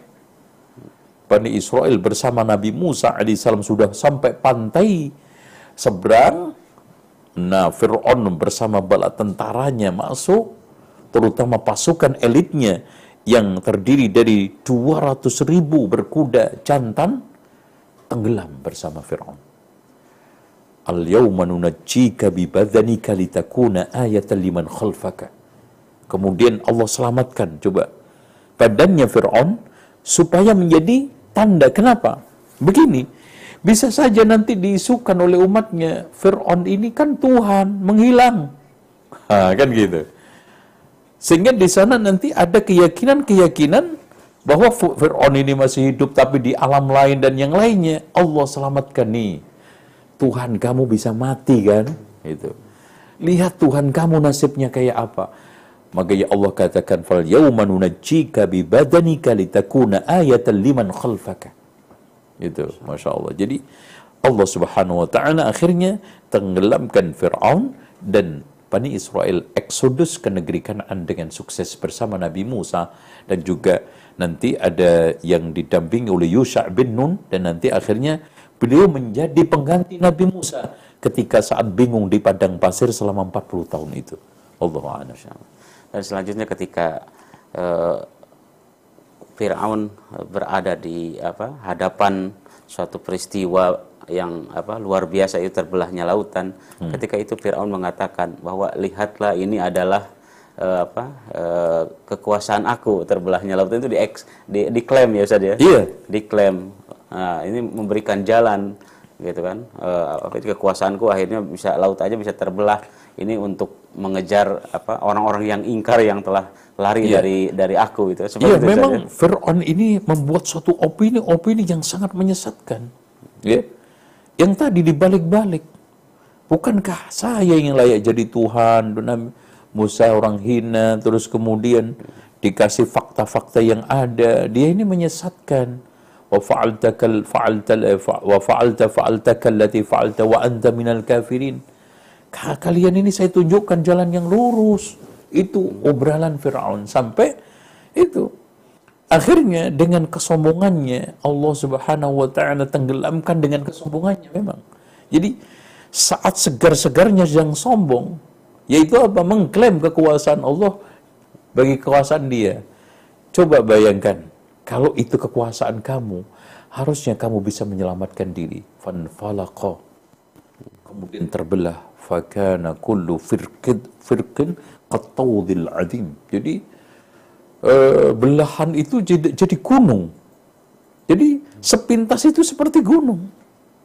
Itu apalagi uh, ketika itu kan uh, masih pagi kan gitu. Lautan juga masih remeng-remeng kan gitu. Jadi ini gunung apa air itu antara-antara. Apalagi Allah jadikan wadrib lahum 'alal bahri yabas. Jadi betul-betul kering, nggak ada tanda-tanda air. Jalan yang dilewati. Iya, yabas. La takhafu darakan wala takhsha. Jadi jangankan sekarang ini kena becek hmm. ya. ya. jadi apa namanya apalagi ini ada sedikit tanah yang berbahasa aja nggak ada, apalagi becek. Itu. Ini kekuasaan Allah Subhanahu wa taala agar satu ingin meyakinkan Bani Israel supaya nggak maju mundur. Wah, jangan-jangan ini di tengah-tengah kita mati nanti airnya balik lagi bocor macam-macam kan gitu. Dan yang kedua meyakinkan Fir'aun bahwa ini layak untuk dilewati. Akhirnya dia berjalan. Allahu a'lam bishawab dan cukup menarik Ustaz bagaimana tadi kisah uh, Firaun eh, apa Nabi Musa ya ketika hmm. Diperintahkan oleh Allah Subhanahu wa taala uh, dan memohon kepada Allah untuk diberikan uh, jalan serta petunjuk ketika mau menyeberangi laut merah tadi yaitu diperintahkan untuk memukulkan tongkatnya itu Ustaz ya. Hmm. Apa uh, pelajaran dari apa ikhtiar ya Ustaz ya, memukulkan tongkat tidak langsung saja Allah belahkan lautan tersebut Iya, iya, tapi iya. diberikan apa Iya. eh, satu ikhtiar ya diperintahkan satu ikhtiar untuk memukulkan tongkat tadi Ustaz. Ya betul, ini memberikan satu pelajaran kepada kita bahwa surga itu tanpa bayaran nggak mungkin. Dan Allah selalu sun, bikin sunnahnya di dalam kehidupan ini sebab akibat. Contoh kita punya anak, sebabnya dengan cara menikah. Kita berobat sembuh ya dengan cara kita itu mengkonsumsi obat-obatan. Artinya di sini tidak ada di dalam kehidupan ini yang berjalan tanpa kaidah sunnatullah sebab akibat. Makanya ketika ada seorang sahabat yang datang kepada Rasulullah Rabi'ah bin Ka'ab al-Aslami ditawari oleh Rasulullah SAW oleh-oleh. Kamu mau minta apa wahai Rabi'ah? Ya Rasulullah, saya tidak minta apa-apa kecuali saya minta nanti bisa menjadi pembantumu di surga. Ya kan berarti satu tingkat sama Rasulullah. Eh, ini permintaan nampak sederhana tapi elit ini kan. Saya minta ya ya Allah, bisa melayani Rasulullah, bisa bersanding dengan Rasulullah. Apakah itu diberikan gratisan tanpa adanya keringat yang keluar, tenaga yang sekarang ini dikerahkan, sebab yang sekarang ini eh, di, diberikan tidak? Wa inni ala nafsika bikathrati sujud. Bantu aku untuk merealisasikan itu atas dirimu dengan memperbanyak sholat. Begitu juga Nabi Musa alaihissalam. Ya, Allah Subhanahu wa taala bisa aja tiba-tiba mendatangkan ular dari atas langit ketebluk kan gitu. Iya. Ya, tapi di sana ada sebab, ya. Walqi ma fi walqi ma fi yaminika talqaf ma sunau. Lempar apa tongkat yang ada di tanganmu akan makan semua. Ini juga begitu. Wadrib lahum 'alal bahri yabasa. La takhafu darkan wala ya, wala wala takhsha. Jadi di sini ada usaha. Seminim-minimnya yang penting ada usaha, ada ikhtiar gitu. Nanti insya Allah di situ akan terjadi pertolongan Allah. Pintunya di situ gitu loh. Jadi pintu langit itu akan bisa nyambung kalau pintu bumi juga terbuka kan gitu. Kalau pintu langit terbuka, pintu bumi tidak dibuka dengan ikhtiar kita, nggak nyambung. Makanya kenapa dikatakan oleh Rasulullah SAW Al-Quran itu adalah hablullah. Jadi satu eh, ini apa namanya tambangnya di sisi Allah, satunya lagi di tangan manusia. Ketika kita baca, kita renungkan, kita imani, nyambung itu antara langit dengan bumi, antara hamba dengan Allah Subhanahu wa taala. Makanya ilaihi yas'adul kalimut thayyib. Akan naik karena usaha kita untuk menaikkan apa? Membacanya. Kita dengan cara berzikir, dengan cara kita itu uh, apa namanya? beribadah kepada Allah Subhanahu wa taala. Itu uh, ikhtiar. Wallahu a'lam. Baik Ustaz. Eh, dan ini pertanyaan terakhir Ustaz Iya. terkait dengan apa? akhir kisah Iya. eh, eksodusnya Bani Israel ke Kanaan Ustaz. Iya. Nah, ketika eh, pasca kejadian eh, ditenggelamkannya eh, Firaun dan bala tentaranya dan akhirnya eh, Allah selamatkan Bani Israel dari musibah besar tadi. Eh, apakah eh, di akhir kemudian bangsa Mesir ini menjadi orang-orang yang beriman Ustaz setelah eh, meninggalnya Firaun dan eksodusnya eh, Bani Israel ke Kanaan ini. Iya. Eh, kalau kita bisa melihat dari firman Allah surat Al-A'raf ya, fantaqamna minhum fa'aghraqnahum fil yammi bi'annahum kadzabu biayatina tampak kebanyakan orang-orang penting, penduduk penting itu habis. Tewas beserta Tewas karena satu juta tujuh ratus ribu. Itu nggak main-main. Penduduk zaman dahulu sudah hampir seluruh tentara Ustaz itu eh, pertama hampir, hampir seluruh tentara dan pasti pejabat tinggi. Gak mungkin, gak ikut Fir'aun, perdana menterinya, menterinya, punggawonya, panglimanya, gak mungkin. Jadi kemungkinan besar yang tinggal itu hanya dayang-dayang, ya perempuan-perempuan yang jompo, dan juga orang-orang yang sudah tidak berdaya. Yang jelas mau sukarela atau dipaksa, satu orang-orang pentingnya Fir'aun pasti akan berangkat. Dari Perdana Menterinya, dari Menteri-Menterinya, dari Punggowonya, dari Panglimanya.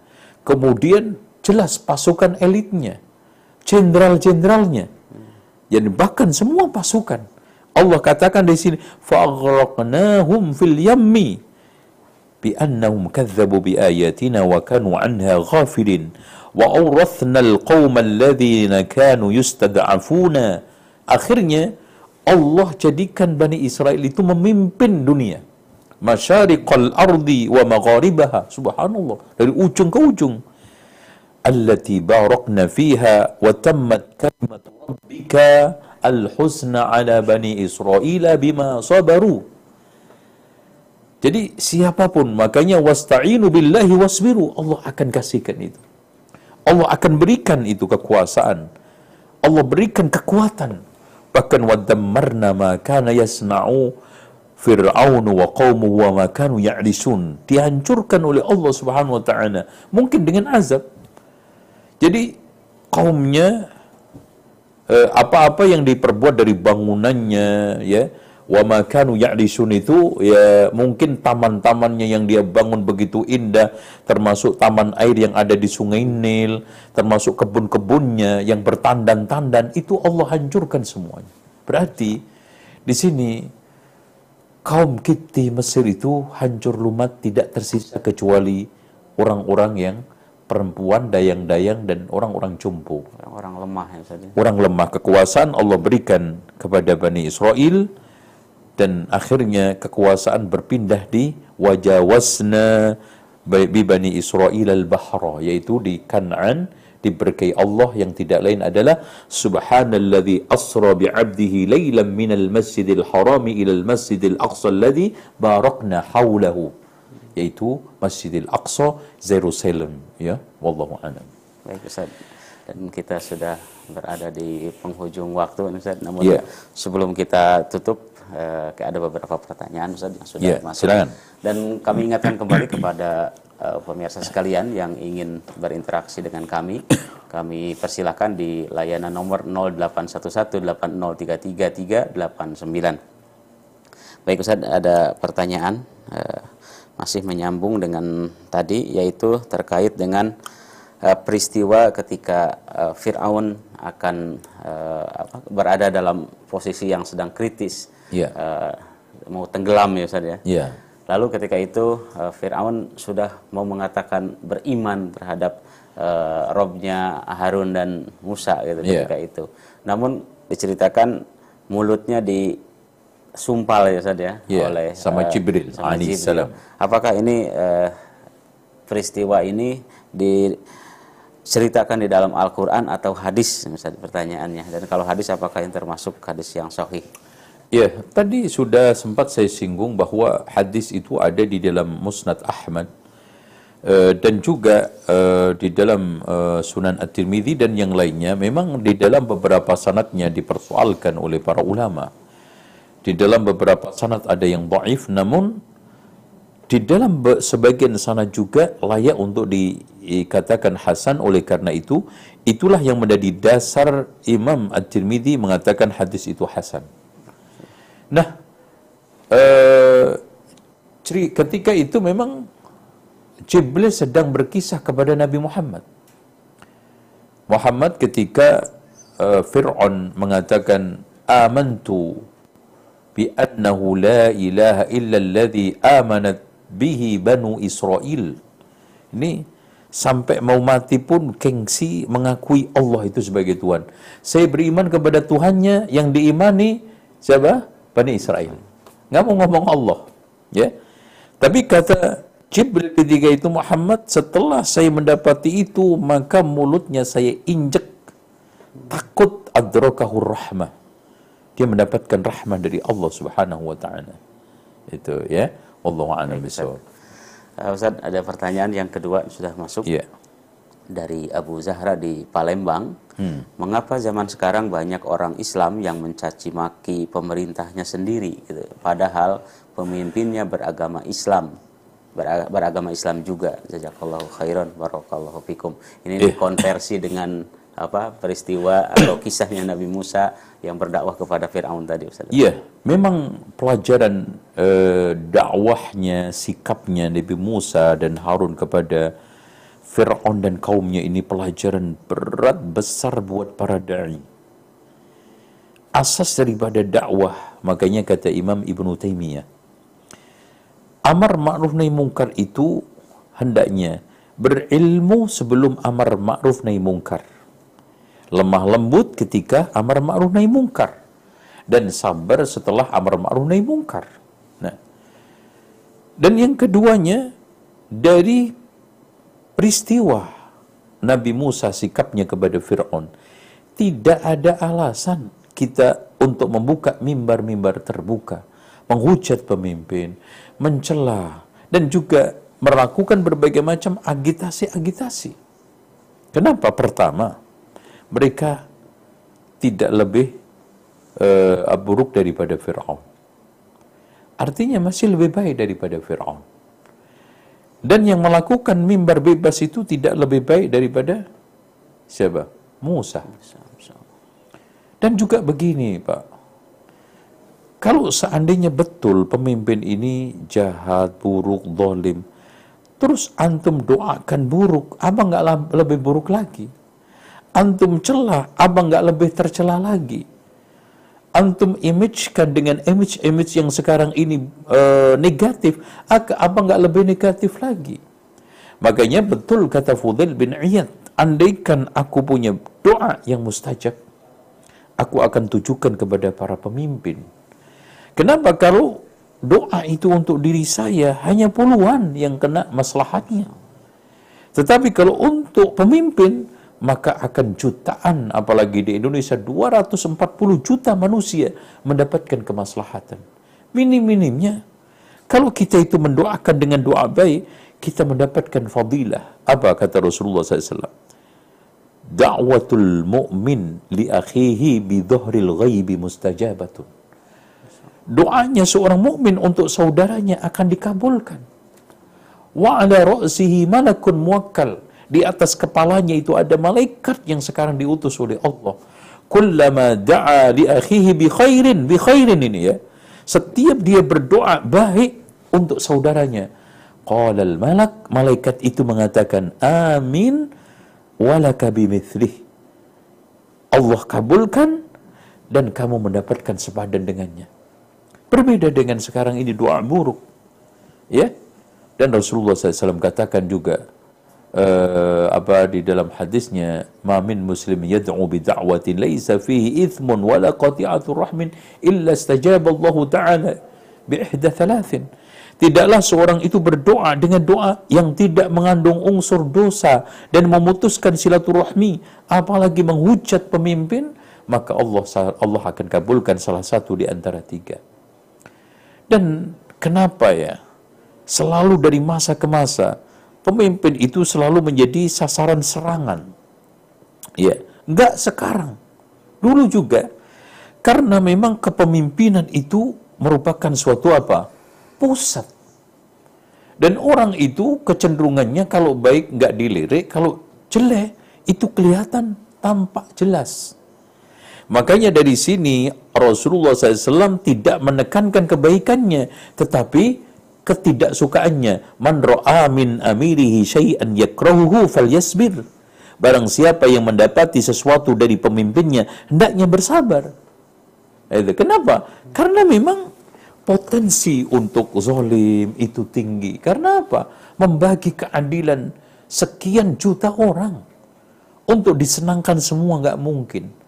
Membagi kekayaan yang sekarang rata untuk sekian orang juga nggak mungkin. Apalagi juga membagi kekuasaan rata untuk sekian orang juga nggak mungkin. Belum lagi di sana ada orang-orang lingkaran kekuasaan yang sekarang ini menggunting dilipatan, ya. Bitonatus su yang kata Rasulullah adalah orang-orang dalam pendamping-pendamping kepercayaan-kepercayaan yang memang memiliki niat jahat itulah yang membawa petaka di tengah kekuasaan itu. Ini juga memberikan suatu poin tersendiri. Makanya bagi kita, ya, Allah wa ati'ur rasula wa ulil amri minkum. Ada baiknya, Alhamdulillah. Kalau tidak, maka kita kembalikan kepada Allah. Makanya ketika muncul fitnah pemimpin, kata Rasulullah apa? Salullaha mintalah kepada Allah Subhanahu wa taala akan hak-hakmu, berikan hak-hak pemimpin seutuhnya. Subhanallah. Jadi hak pemimpin kita berikan kepadanya secara utuh untuk hak kita mintalah kepada Allah. Coba. Subhanallah. Dari sinilah sehingga ketika kita menggunakan kacamata Al-Quran dan Sunnah di dalam bermuamalah baik itu pemimpin kepada rakyat, rakyat kepada pemimpin, maka akan mendapatkan satu ketenangan, ketentraman insya Allah. Wallahu. Demikian uh, jawaban dari narasumber kita yeah. untuk Abu Jahra di Palembang. Mudah-mudahan bisa dipahami untuk kita semua juga termasuk. Baik Ustaz, kita sudah berada di akhir sesi dan yeah. uh, bisa disampaikan uh, hikmah dan pelajaran dari yeah. apa yang uh, Allah berikan atau Allah kisahkan dalam Al-Quran tentang kisah uh, Nabi Musa dengan Fir'aun ini Ustaz. Taib. Alhamdulillah kita berada di penghujung acara dan kesimpulan daripada Exodus nah, ini Bani Israel yang akhirnya membuat tenggelamnya Fir'aun bersama bala tentaranya kita bisa ambil kesimpulan bahwa pada akhirnya dakwah di mana pun itu pasti ada lawan-lawan. Sehebat-hebatnya Nabi Musa alaihissalam di dalam membawakan dakwah, kesantunan berbicara, tetap aja Fir'aun. Bertingkah seperti yang kita pelajari. Tapi itu juga kita tidak boleh menyimpulkan. Ah udah kalau begitu, ya kita nggak usah lembut-lembutan. Tidak lembut aja hasilnya begitu, apalagi kasar. Dan bagi kita, seorang da'i, dan itu mewarisi al-ulama warasatul anbiya. Yang penting kita itu menyampaikan wa ma'alaina illa al-balaghul mubin. Dengan ilmu yang bermanfaat, dengan cara yang lemah lembut, dengan sikap sabar. Itu aja. Jadi bagaimana kita itu memenuhi syarat yang telah dipersyaratkan oleh Allah dan Rasulnya di dalam berdakwah. Setelah itu hasil kita serahkan kepada Allah. Bagi seorang da'i bagaimana membayar syarat ini. Seutuh mungkin. Ibarat begini, kita sholat. Kita penuhi rukunnya, kita penuhi syaratnya, setelah itu kita serahkan kepada Allah subhanahu wa ta'ala. Dan ada tiga pelajaran yang bisa kita petik bahwa sosok seorang da'i itu selalu wasta'inu billahi wasbiru sambil menyampaikan secara dialogis, argumentatif dan kompromistis. Kemudian yang kedua yang kita bisa petik pada akhirnya hasil itu yang menentukan Allah Subhanahu wa taala apa pun yang kita lakukan. Dan yang ketiga, kalau kita sudah berada di jalan Allah, dekat dengan Allah, insya Allah, sesulit apa pun Allah akan berikan pertolongan. Pada saat kita itu sudah pada tingkat klimak, ya Allah, seperti wazulzilu zila, zilzalan syadida kan. Ketika umat sudah bersama nabinya mengatakan mata nasrullah. Allah berikan pertolongan. Pada saat Nabi Ibrahim sudah tidak ada daya upaya kecuali Allah masuk ke dalam api. Wa qulna ya narukuni bardan wa salaman ala Ibrahim. Begitu juga kita. Kalla inna ma'iya rabbi. Sungguh Allah bersamaku. Pasti akan memberikan satu petunjuk jalan keluar. Inna ma'al usri yusra. Wallahu a'lam bisawab. Demikian uh, kita uh, kembalikan ke antum silakan untuk ditutup. Baik. Terima kasih Ustaz atas ilmu yang telah diberikan dan insya Allah uh, banyak faedah yang ki bisa kita petik uh, dari apa yang sudah disampaikan tadi. Pemirsa YHBS TV yang dirahmati Allah Subhanahu wa taala di mana pun Anda berada, kami ucapkan terima kasih kepada Anda sekalian yang masih setia dari awal sampai akhir. Mudah-mudahan acara yang kami ketengahkan bisa bermanfaat, menambah ilmu dan pengetahuan untuk kita amalkan tentunya. Dan kami ucapkan terima kasih atas kebersamaan Anda dan kita tutup dengan doa kafaratul majlis. Subhanallah. Baik, terima kasih. Wassalamualaikum warahmatullahi wabarakatuh. Waalaikumsalam warahmatullahi wabarakatuh.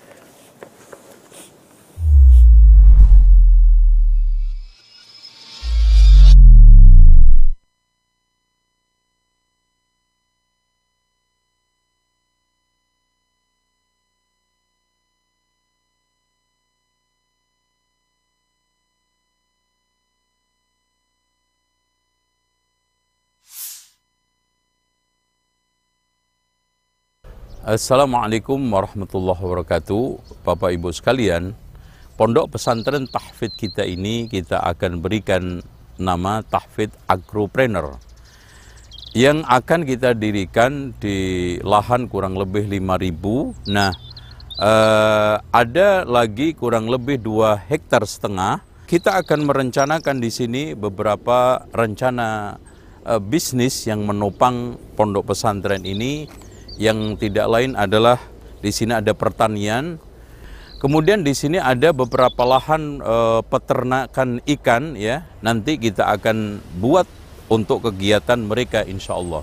Nah, kita sudah memiliki gedung dua tingkat yang ini rencana kita akan buat untuk asrama e, dan anak-anak e, yang belajar yang calon menjadi ulama dan dai tidur di sini, istirahat di sini. Untuk tempat belajarnya kita akan fokuskan di masjid. Nah, masjid ini kita akan dirikan di sini ya. Ini adalah tempat uh, yang akan kita dirikan masjid kurang lebih 25 kali 25 di sini insya Allah. Ini yang bisa kita sampaikan kepada uh, Bapak Ibu sekalian. Mudah-mudahan dukungan dan juga support serta atensi dari Bapak Ibu sekalian Ahlus Sunnati wal Jamaah akan mensupport, akan menjadikan pondok pesantren ini segera berjalan dan anak-anak didik kita dari seluruh persada Nusantara ini secepatnya bisa mendaftar karena kita sudah buka gelombang pertama dan juga kita sudah mulai sementara di Jakarta. Pendaftarnya sangat beludak dan baru kita buka seminggu saja maka kursinya sudah full. Ini menunjukkan bahwa animo dan juga antusias kaum muslimin, generasi kita yang ingin mempelajari dan menghafalkan Al-Quran, menguasai kitab-kitab yang bahasa Arab itu sangat tinggi sekali. Demikian, mudah-mudahan Bapak Ibu sekalian bisa mendukung, mensupport kami untuk mendirikan, melangsungkan, membangun pondok pesantren tahfidz dan bahasa Arab ini gratis, insya Allah. Demikian, mudah-mudahan manfaat. Assalamualaikum warahmatullahi wabarakatuh.